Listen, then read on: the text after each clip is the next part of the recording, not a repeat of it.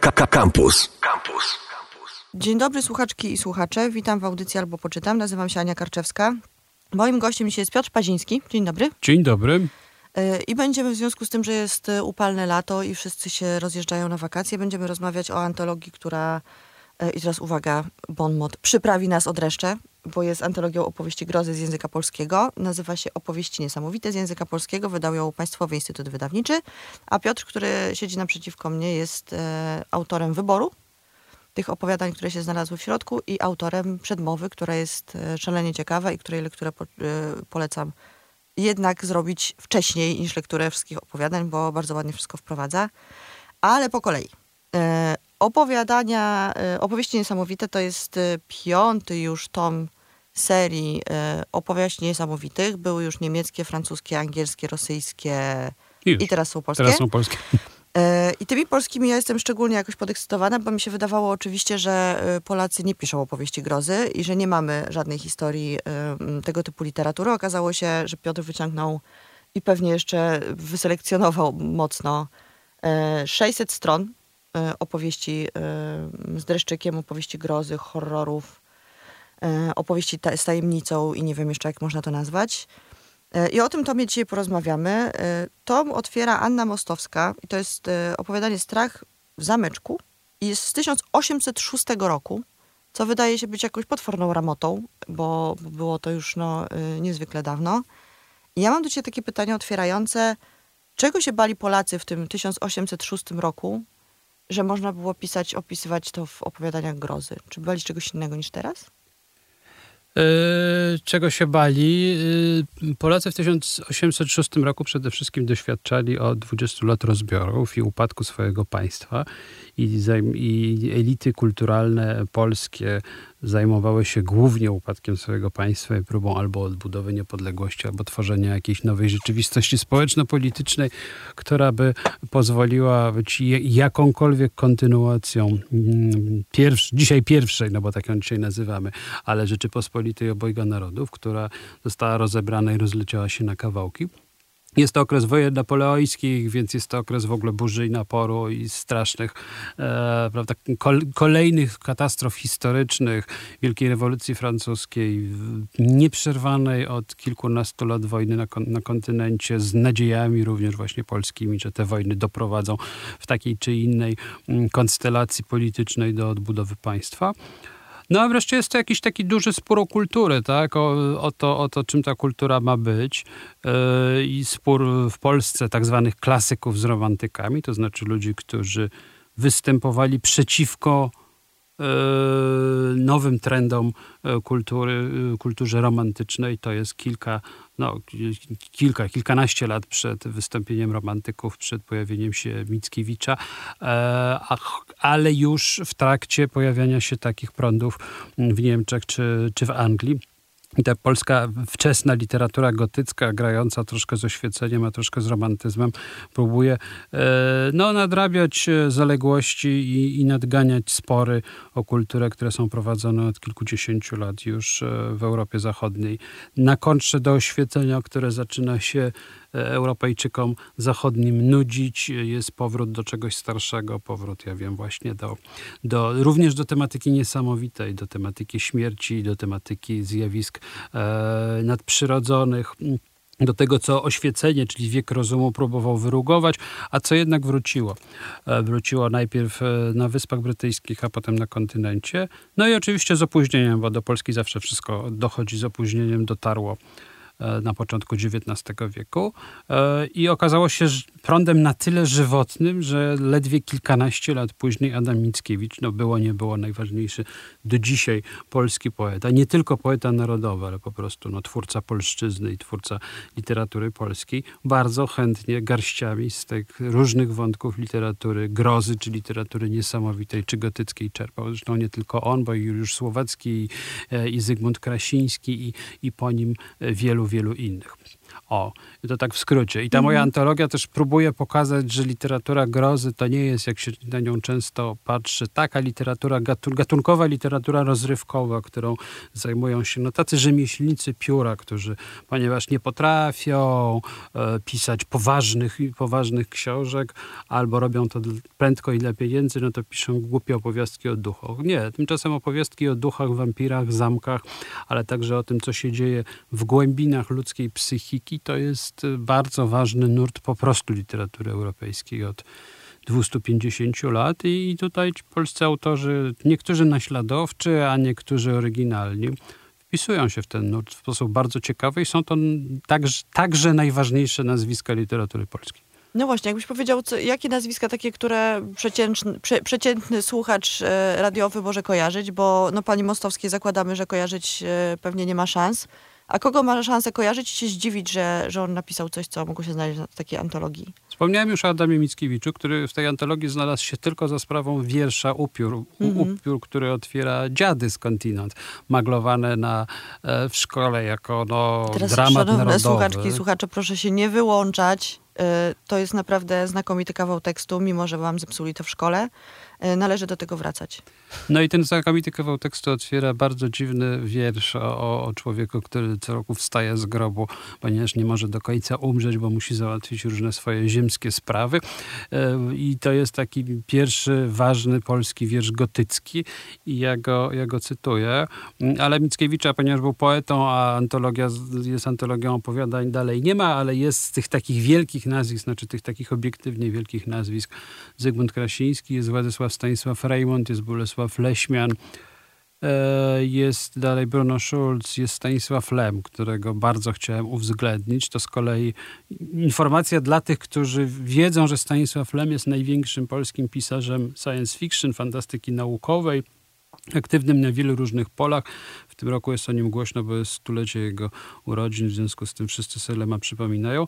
A ja chciałem pokazać Lema takiego, do którego wiadomo było, że taki Lem istnieje, czy że taki Lem był, to znaczy Lem, który w swoich najlepszych tekstach sięga do literatury grozy, której był czytelnikiem. Troszkę się z niej naśmiewał, ale w gruncie rzeczy w gruncie rzeczy bardzo ją lubił i wykorzystywał sztafasz literatury grozy. No, w, w tak wielkich powieściach jak Solaris choćby. Mhm. Tutaj Solaris się oczywiście by nie zmieściło, ale jest opowiadanie Terminus, jest opowiadanie mm, o profesorze Zazulu z cyklu mm, opowieści Jona Tichego e, z dzienników gwiazdowych, więc, więc jest, co, jest co czytać także, także i z tej literatury nowszej. I polecamy jeszcze, jak już jesteśmy przy Lemie, mm, na stronie facebookowej Państwowego Instytutu, Instytutu Wydawniczego e, jest czytany wspaniale przez Macieja Nawrockiego e, właśnie to ostatnie opowiadanie z tomu, czyli mhm, no Czyli profesor Zazul z, no z opowieści, tak, opowieści Jona Tichego. Nie jestem w stanie zapamiętać tego tytułu nigdy, więc dziękuję ci, że go przypomniałeś. E, I bardzo zachęcam, jeżeli potrzebujecie czegoś takiego, co, co można sobie włączyć, nie wiem, w samochodzie albo na rowerze, albo robiąc coś w domu i zobaczyć, e, czego możecie się spodziewać po tym tomie, to jest to jedna z rzeczy, której możecie się spodziewać, no bo e, odbiegająca jednak od... Znaczy tak naprawdę każde opowiadanie jest trochę inne. I rozmawialiśmy przed, przed chwilą, zanim weszliśmy na antenę, o tym, że tej książki absolutnie nie powinno się, czy nie trzeba czytać w całości, bo jednak po to są antologie, żeby móc sobie z nich e, niektóre kąski wybierać. I tutaj jest bardzo przydatny twoje, e, twój tekst, który jest przedmową do tego, do tego tomu, bo można, bo bardzo krótko opisujesz jakby poszczególne opowiadania e, ich autorów i tam można sobie wyłuskać takie rzeczy, które wydają nam się być ciekawsze. Przy czym oczywiście warto przeczytać cały tom, no bo zawsze możemy zostać jakoś pozytywnie zaskoczeni nazwiskiem, które nam nic wcześniej nie mówiło. E, powiedz mi jeszcze taką rzecz, bo teraz już trochę mamy zwrot, e, od jakiegoś czasu to już w zasadzie jest e, coś, co minęło w literaturze. Był taki zwrot ku słowiańszczyźnie, ku bestiariuszowi słowiańskiemu i jakby ludzie zaczęli interesować trochę tymi naszymi lokalnymi upiorami, duchami i zjawami. E, a jak to wyglądało wtedy, kiedy, e, kiedy to się dopiero zaczęło e, kształtować, czyli w epoce romantyzmu? Czy oni mieli świadomość tego, że my mamy z czego czerpać, ci pisarze i poeci, którzy sięgali do tych opowieści grozy? Jak najbardziej. To znaczy, o ile na początku literatura grozy, tak którą reprezentuje tutaj Anna Mostowska, jeszcze Zygmunt Krasiński są no, w pewnym sensie takimi importerami różnych pomysłów z zachodu. Są takim peweksem. E, tak? Peweksem, nie wiem, czy to słowo jest jeszcze komuś coś mówi, ale... Na pewno tak, bo są, jest na koszulkach w Pan tu nie stał, więc jeszcze młodzi ludzie wiedzą, co to jest peweks. Sprowadzają zagraniczne dobra, żeby je tutaj sprzedać z importerami różnych mód i, i inaczej imitują e, opowieści pisane na zachodzie. Na zachodzie tam, gdzie były zamki rycerskie, gdzie były wampiry i tak dalej. Polska kultura, zwłaszcza kultura ludowa, tego może niekoniecznie miała. W Polsce się, się ostało mało zamków i, i historie wampiryczne nie były tak e, może popularne albo rycerskie i nie mieliśmy wielu starych, zrujnowanych opactw, tak jak w Anglii.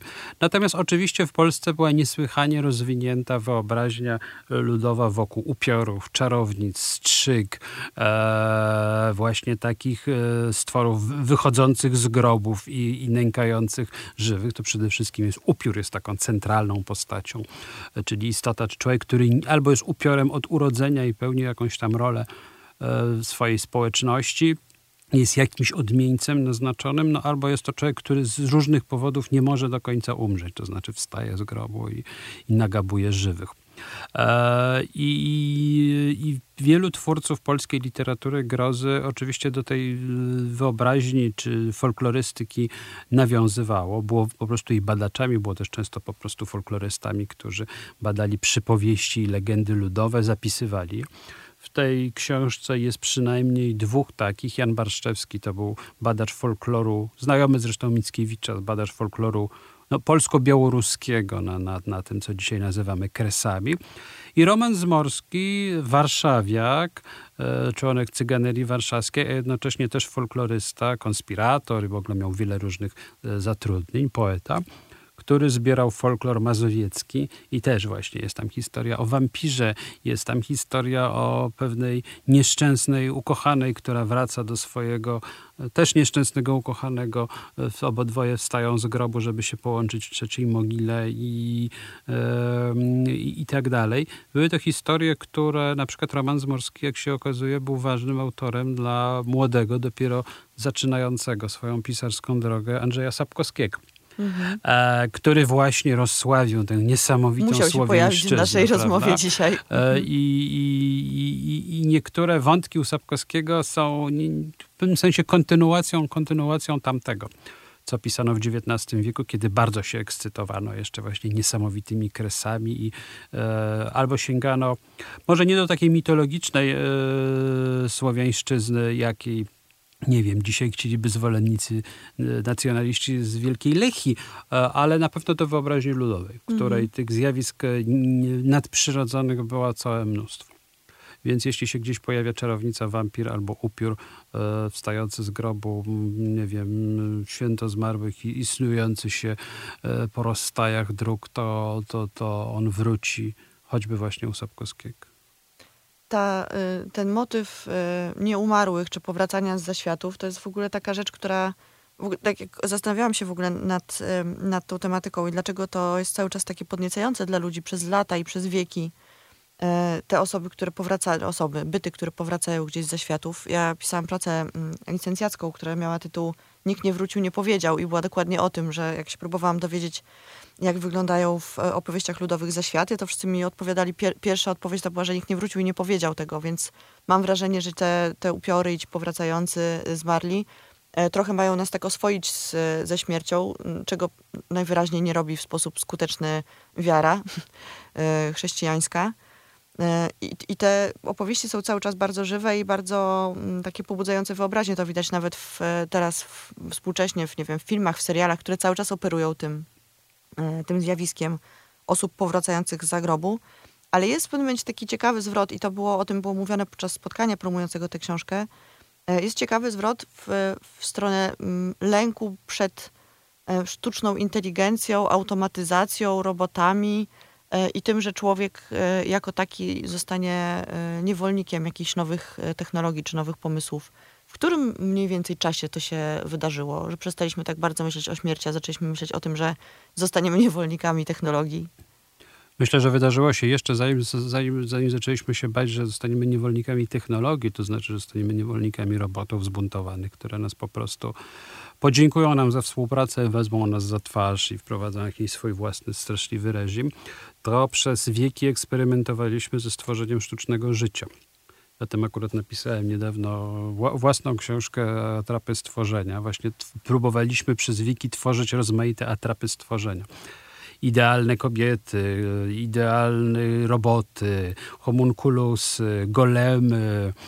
Później tworzyliśmy manekiny, lalki, które coraz bardziej przypominały żywe małe dziewczynki, a te małe dziewczynki coraz bardziej przypominały młode, atrakcyjne kobiety. No, e, potem człowiekokształtne roboty, które miały nas wyręczać we wszystkich pracach domowych. E, aż wreszcie takie roboty, które miały po prostu być idealnymi kopiami nas samych, tylko wytrzymalszymi, doskonalszymi. No aż wreszcie doszło do tego, że być może one nam podziękowały za współpracę i się zbuntowały. To jest właściwie nurt w kulturze europejskiej obecny, nie wiem czy od starożytności, na pewno od średniowiecza. To znaczy mm -hmm. ten pomysł, że w ogóle człowiek może własnymi rękami stworzyć yy, no, y, nie, nie, nie, nie, nie drogą płciową stworzyć, y, stworzyć y, sztuczny byt, który będzie istotą taką jak my, tak? I tego, I tego w literaturze grozy jest właściwie bardzo dużo i, i legenda o homunculusie, która się, czy o golemie, żydowska legenda o golemie, która właściwie przez wieki przechodzi kolejne fazy, ale, ale jest to wciąż ten sam pomysł, że za pomocą praktyk magicznych czy praktyk alchemicznych jesteśmy w stanie taki byt wytworzyć.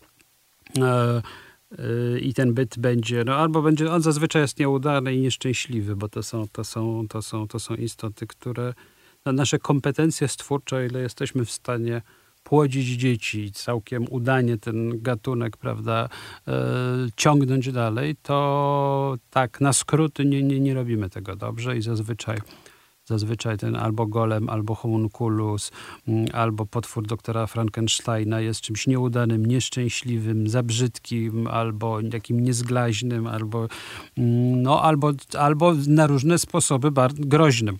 To znaczy się szybko buntuje, zły, tak jak, nie wiem, Android Aloizy w Akademii Pana Kleksa, że on właściwie jest, jest genialny i od razu jest zły, od razu zaczyna niszczyć Akademię, prawda? Ale Czy... może to chodzi o to, że to mm. jest ten smrodek dydaktyczny, o którym też piszesz w, w przedmowie, że jakby e, ludzie mają potrzebę, znaczy boją się oczywiście tego, że mogliby zacząć tworzyć jakieś e, żyjące byty inteligentne. W związku z tym, jeżeli ktoś w swojej literaturze stworzy taki byt, to czuje się może w obowiązku napisać, że to jednak nie jest dobry pomysł, żeby próbować i dlatego te stwory są nieszczęśliwe albo złe i groźne. To troszkę tak jest, troszkę tak jest. Jest taka legenda zapisana w Talmudzie pierwsza o Golebie. Jest taka, że właściwie nie należy tego robić, mm -hmm. bo to mhm. po prostu nie wolno, tak?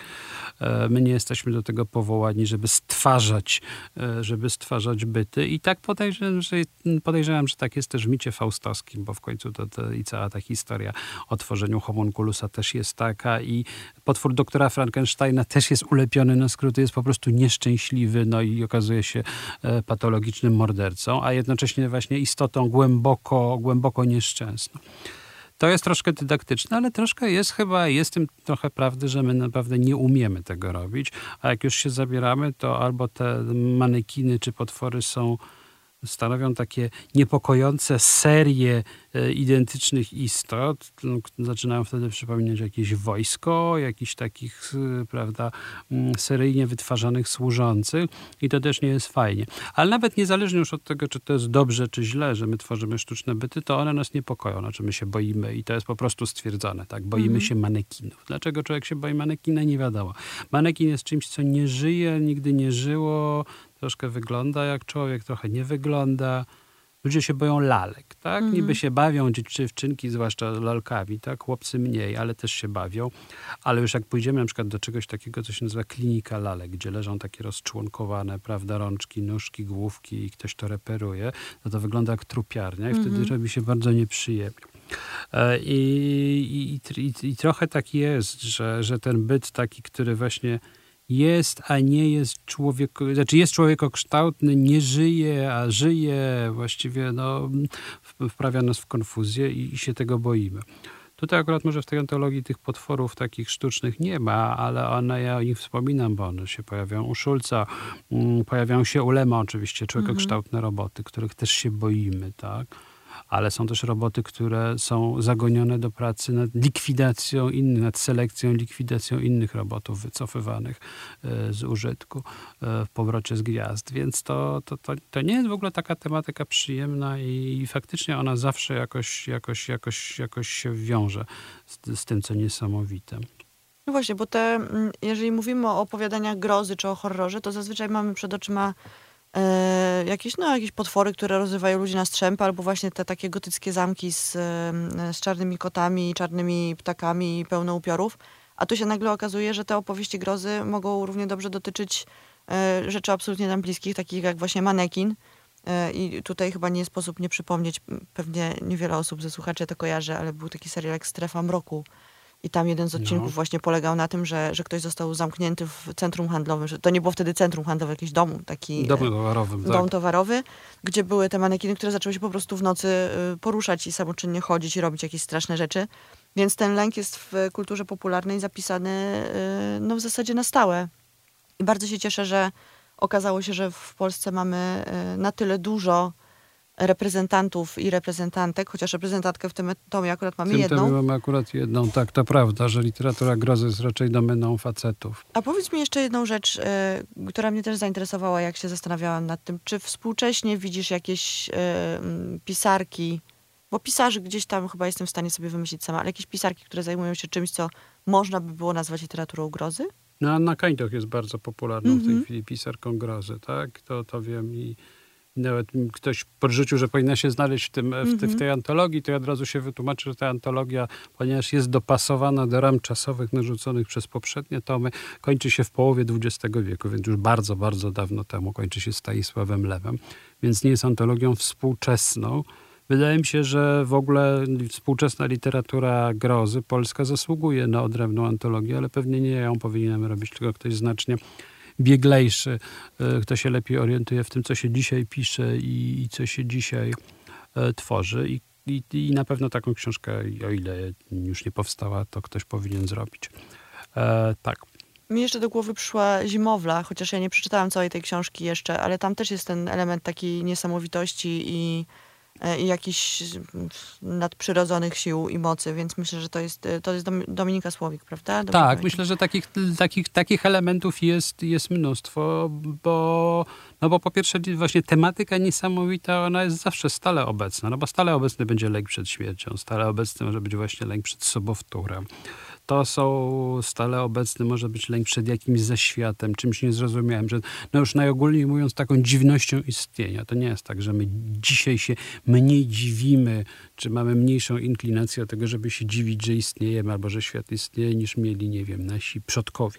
To nie jest tak, że ta literatura się wyczerpuje. Ona może zmieniać swoje konwencje. To już dzisiaj nie będą duchy czy wampiry w starym zamczysku. To są faktycznie już konwencje dosyć wytarte i raczej to pomoże wrócić w takiej już twardej literaturze gatunkowej, że ktoś znowu napisze e, opowieść o, o nawiedzonym dworze albo o, o zamku i białej damie na murach. Ale to, co starałem się zresztą pokazać w tej przedmowie, że już od połowy XIX wieku, za sprawą takich autorów jak Amerykanin Edgar Allan Poe, to, co niesamowite, się przenosi do psychiki. To nie muszą być duchy i czarownice, tylko to jest to, co się dzieje w nas samych, w naszej głowie. Połowa tych opowiadań, przynajmniej cała druga połowa, czy, czy duża część, to jest niesamowite, które się dzieje w naszej głowie. To są albo kran, który u Mirandoli, który kapie, układając się. To jest pracownik, telegraf, to jest telegrafista. Dzisiaj to mógłby być pracownik, ja wiem co, jakiś infolinik, tak? który Mhm. wraca zmęczony z roboty i siada w kuchni i jemu się wydaje, że kran do niego nadaje morsem, tak? I właściwie wariuje. No to jest niesamowite, które się rodzi gdzieś w głowie, tak? To, są, to jest to, że wydaje nam się, że mamy sobowtóra, który prowadzi zupełnie inne życie i który nas prześladuje. Tak jest u, u, u Langego. To może być groza lotnicza. Ludzie się boją latać, są tacy. Ja akurat odpoczywam w samolotach i jestem, należę do tej mniejszości, która sobie chwali e, loty samolotami, ale mm, wielu ludzi się panicznie boi latać. No i tutaj są przynajmniej cztery opowiadania, jeśli nie pięć opowiadań lotniczych, czyli tej grozy, która się gdzieś w przestworzach e, rodzi. I to znowuż nie są duchy, tylko to jest nasz własny strach, którym projektujemy, no, czy to na autentyczne katastrofy lotnicze, czy, czy na jakieś legendy towarzyszące lataniu, tak? O złych omenach, złych sygnałach, jakichś um, dziwnych zjawiskach, e, które zapowiadają niechybną katastrofę. Um, więc, e, więc to, co psychiczne jest tutaj najciekawsze i pojawia się właściwie w, większej części tych kawałków. A to co psychiczne, no co, możemy się zmieniać, cywilizacja się może zmieniać, ale, ale nie uciekniemy od naszej własnej psychiki. Ona jest wciąż do nas niezgłębioną tajemnicą. I, I, myślę, że literatura niesamowita ma jeszcze przed sobą długą przyszłość. No właśnie, ja mam nadzieję, że tak będzie i że mm, trochę ona wyjdzie z tego, bo to co powiedziałeś na początku, że literatura niesamowita jest traktowana jako literatura gatunkowa, więc spychana gdzieś do tych, e, do tych szufladek, e, no głównie przez, przez dziennikarzy, którzy się zajmują literaturą, bo ja pamiętam, że sama miałam taki, taką e, rozmowę z jednym z dziennikarzy zajmujących się kulturą i literaturą, który powiedział, że nie zrecenzuje książki Orbitowskiego. To akurat była inna dusza, więc nie miała nic wspólnego z, z grozą ale powiedział, że nie zrecenzuje tego, bo nie zajmuje się literaturą gatunkową.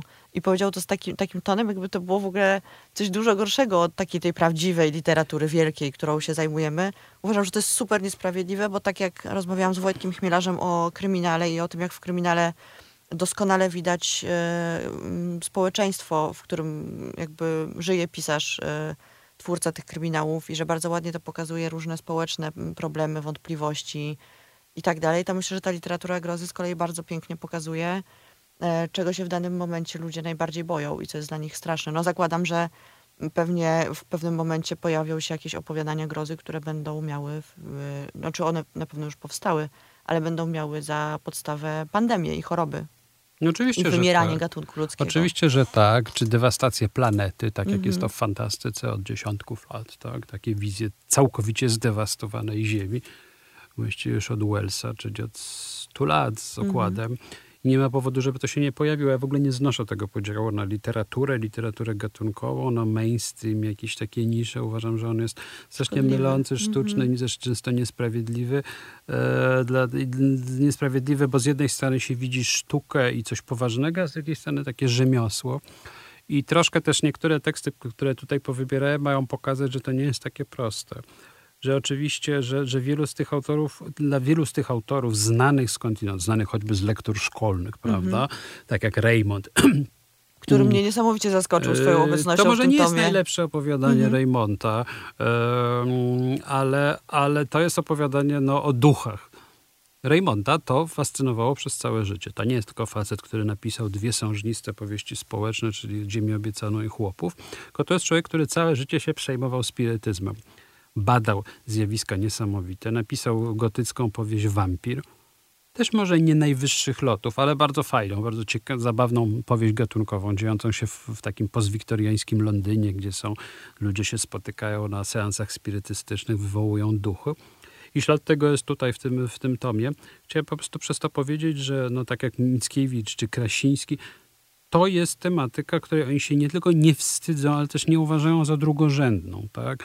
Ostatecznie dziady, no, czyli ten no, arcy, arcypolski, arcynarodowy poemat podejmujący już wszystkie możliwe ważne tematyki dla, dla, społeczeństwa, dla społeczeństwa właśnie narodu, czegokolwiek innego Polski, jest jednocześnie opowieścią, opowieścią niesamowitą i nie ma powodu, żeby uważać, że takie rzeczy jak lęk przed zaświatami, lęk przed zanieistnieniem, e, myśl o nietrwałości naszego bytowania, o zmarłych i tak dalej, miały być mniej, czy w ogóle jaka dziwność istnienia, miały być mniej ważne od spraw społeczno-polityczno-narodowych. To ja protestuję i uważam, że to, że, że to jest tematyka równie ważna, jeśli nie ważniejsza Mhm. dla każdego człowieka. Demoniczna erotyka, e, czy, która się pojawia tutaj i u Leśmiana, pojawia się u Mirandoli, pojawi się u Grabińskiego. E, Nie ma powodu, żeby uważać, że, że, że, że tematyka erotyczno-tanatyczna, tak? czyli nie wiem, czy to lęk przed zbliżeniem miłosnym, czy to właśnie na przykład na przykład jakieś takie przedziwne pomieszanie w psychice tego, co się wiąże wiem, z seksem, prokreacją, powoływaniem nowego życia, jednocześnie ze śmiercią, byłoby sprawą jakoś mniejszej wagi niż, niż, niż rozbiory, tak? czy walka o niepodległość. A te autorzy tak, takie rzeczy podejmowali i są z tego często zrobieni. No, Leśmian jest tutaj najlepszym przykładem. Ja go tutaj przywołuję ze sprawą opowiadania, a nie wierszy. No, taka była konwencja tomu. Ale przecież duża część jego poezji jest właśnie o tym. Jest o zaświecie, jest o demonicznej erotyce i, i śmierci. I on też dołożył e, bardzo dużo do bestiariusza słowiańskiego czy polskiego, tych swoich e, Znikomków, śnigrobków, tak, wspaniałych, wspaniałych tworów e, i językowych, i, i konceptualnych. No dobrze, w takim razie ja bardzo serdecznie zachęcam do czytania opowieści niesamowitych z języka polskiego. Uważam, że to jest świetna książka na wakacje, dlatego że po pierwsze można ją podczytywać po kawałku, a po drugie jednak mimo wszystko jak się czyta o tych e, strasznych, mrożących krew w żyłach historiach, to człowiekowi jest e, jakoś tak przez sekundę chłodniej i przyjemniej w życiu, bo boi się śmierci, e, z, nie wiem, spowodowanej przez jakiegoś strasznego upiora albo ducha, a nie przez e, roztopienie się po prostu na papkę w upale. E, więc bardzo Wam polecam czytanie opowieści niesamowitych z języka polskiego. E, bardzo Wam polecam w ogóle zainteresowanie się literaturą grozy i horroru i nie unikanie tego właśnie na zasadzie takiej, że a, to takich rzeczy to ja nie będę czytać, bo to jest jakaś gorsza literatura. Absolutnie nie. E, potrafi być lepsza niż te w cudzysłowie poważne książki i wysokie literacko, czy że w ogóle nie cierpię takiego um, określenia. E, dziękujemy Wam za uwagę e, bardzo serdecznie. Ja zapraszam w przyszłym tygodniu do e, wysłuchania mojej rozmowy z Grzegorzem Uzdańskim, z którym będziemy rozmawiać o nowych wierszach sławnych poetów, więc nie będzie groźnie, będzie śmiesznie. Jak to napisał Grzegorz, będziemy się śmiać jak norki, więc mam nadzieję, że śmiech się udzieli i wam, słuchaczki i słuchacze. Ja bardzo serdecznie dziękuję. Dziękuję ci Piotrze za to, że byłeś moim gościem. Bardzo dziękuję. E, I co? I miłego dnia w takim razie. Bawcie się dobrze. Słuchaj Radio Campus, gdziekolwiek jesteś. Wejdź na www.radiocampus.fm.